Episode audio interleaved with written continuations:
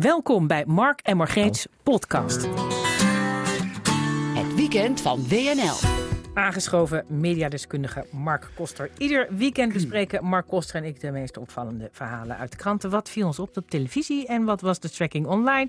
Mark, waar kunnen wij dit weekend Nou, niet we, mee? we moeten al een beetje terugblikken en vooruitblikken. En eh, de top 2000, daar is van alles aan de hand, Margreet. Er komen allerlei nummers, donderen daar naar binnen. Laten we eens even een fragmentje pakken.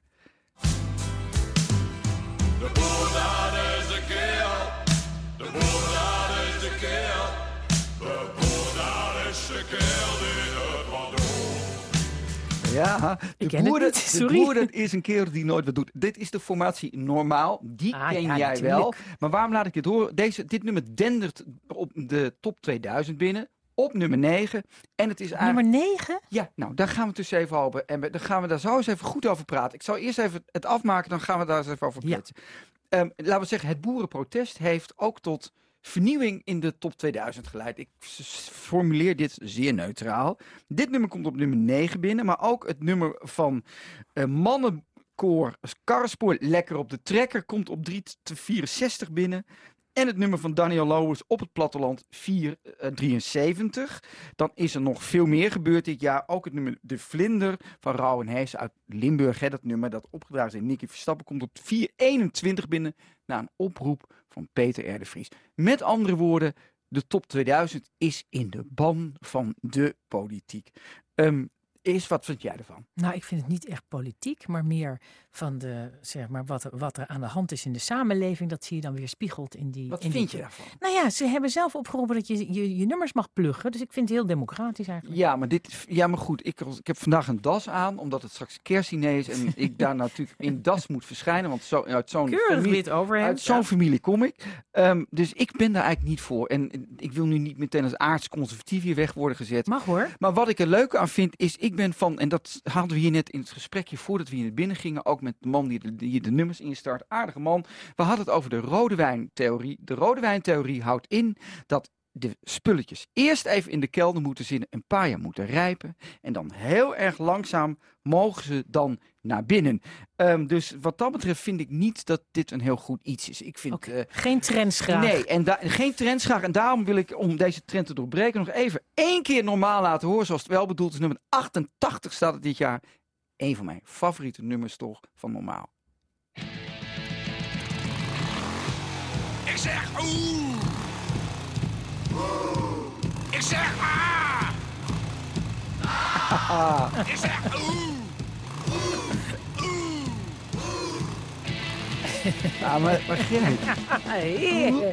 hoe het hard komt. Maar wat het- dit is zo'n geweldig goed nummer. Ja, maar ik En- vond het om meerdere redenen een fantastisch nummer. Waarom vind je het zo goed aan? Nou ja, ik kwam uit Zwolle en, ik- Ja, en je nou, hoorde, als je op de radio eh, eh, luisterde, hoorde je alleen maar eh, Amsterdam en Hilversum. Soms hoorde je nog uh, Griet Titulaar, iemand met een, met een accent uit het zuiden. Maar je hoorde nooit iemand uit het oosten. En toen dacht ik, yes, iemand uit het oosten. Dus voor mij het ook een En beetje van is- eindelijk erkenning voor het, eh, Ja. het, het, het klanken uit het oosten. Het nummer is, zit fantastisch in elkaar. Het gaat ook ergens over. Het gaat ook over te hard rijden. Dit jaar hè, 130. Komen Sido aan gescheurd hè, op, op, op de BSA. Is- het, zijn het gaat over motoren. Het gaat over man zijn. Het Mijn een- vader had ook ooit een BSA. Dus da- daarom vond ik dat. En dat wist ik niet. Dat vertelde hij pas toen die. Toen normaal die- was. Ja, toen hij, ja, dat heb ik ook gehad. Zeg Nou, echt waar? Nou ja, en mijn dus vader- al die dingen. Mijn vader, keurig hoogleraar, vond dit ook mooi. Dat is net als André Hazes. Er zijn nummers, en da- daarom kom ik nog even terug op de rode wijntheorie. Die liggen in de kelder. Die, kun je, die fles kun je pakken. Na jaren is die gerijpt. En dan schenk je hem, Margreet. En zo doen we dat. En zo hoort dat ook. Mooi.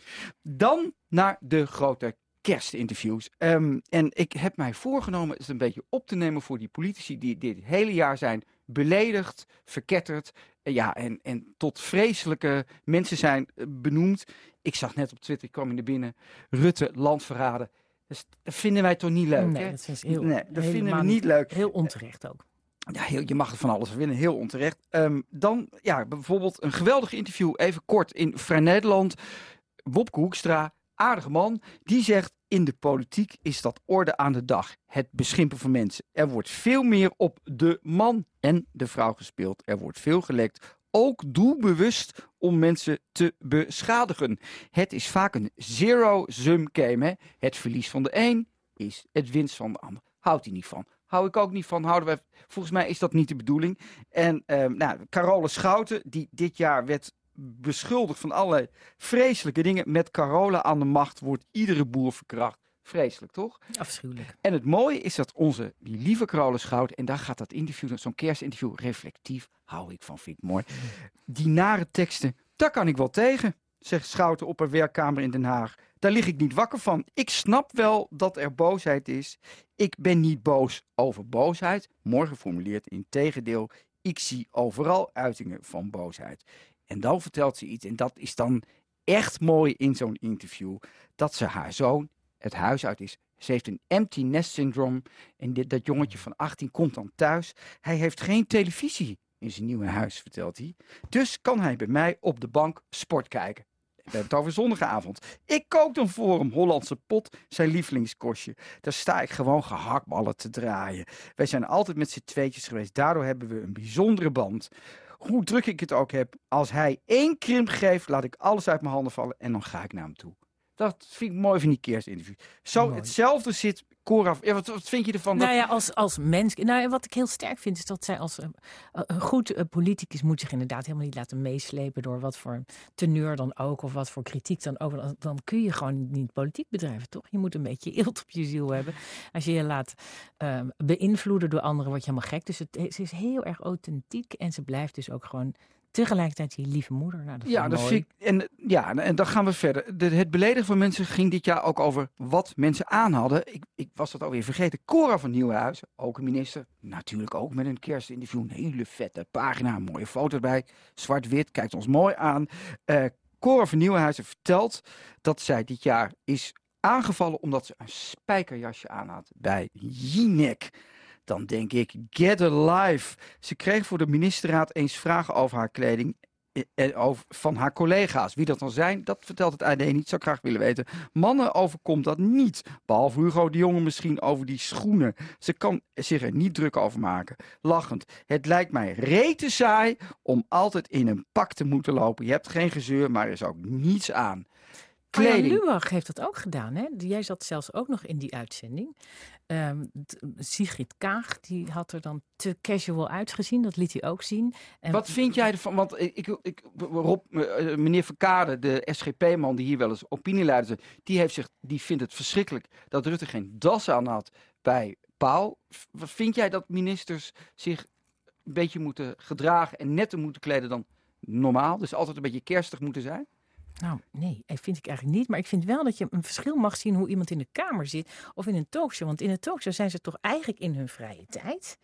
Eh, hoewel ze dan wel het, al- maar als het over de zaak hebben, ja, dan, ik kan me wel voorstellen dat je dan netjes uit moet zien. Maar wat ik netjes vind, ja, dat vind jij misschien niet. Nee. Ik vind ook een, een spijkerjasje kan er netjes uitzien. Ligt eraan wat je erbij aantrekt. Ja. Dus ik ben daar niet zo rigide in van wat dan wel of niet kan. Nee, maar dat vond ik dan wel grappig van die van Nieuwenhuizen, dat ze daar toch een alineaatje of vier aan wijdt. Dan, maar ik laat je er weer inlopen, waarom ik dit zeg.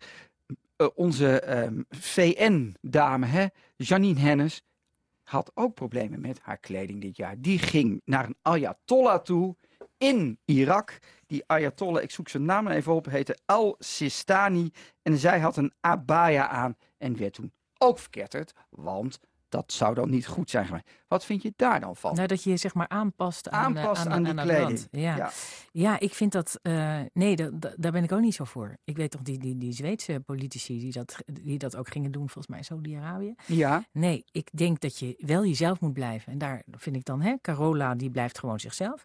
Ik vind dat je dat als politicus ook moet doen. Ja. Of je moet echt eh, iets voor elkaar krijgen als je je, zo, hè, als je je zo aanpast dat het geld opbrengt. Dan hebben we de koopmansgeest en dan snap ik het. En dat is nou precies wat ze in de NRC in dat kerstinterview zegt. Ze zei in Najaf, waar, dat waar die man zat, is dat de huisregel. Een zwarte abaya. Niemand zou me hebben tegengehouden, zegt ze, als ze dus met de blonde haren daar naar binnen was gestapt. Maar dat zou wel de laatste keer zijn dat ik daar was geweest. En dan gaat ze los. Maar het was, ik ben daar om problemen op te lossen. En nu komt de valse sneer, niet om rekeningen te houden met populistische gekkies. Zo, en dat is eh, gezegd. Mark Koster, hartelijk dank. Dit was Mark en Margreets Weekend. De podcast die je bijpraat over de opvallendste gebeurtenissen uit de media van dit weekend. Leuk dat je luisterde.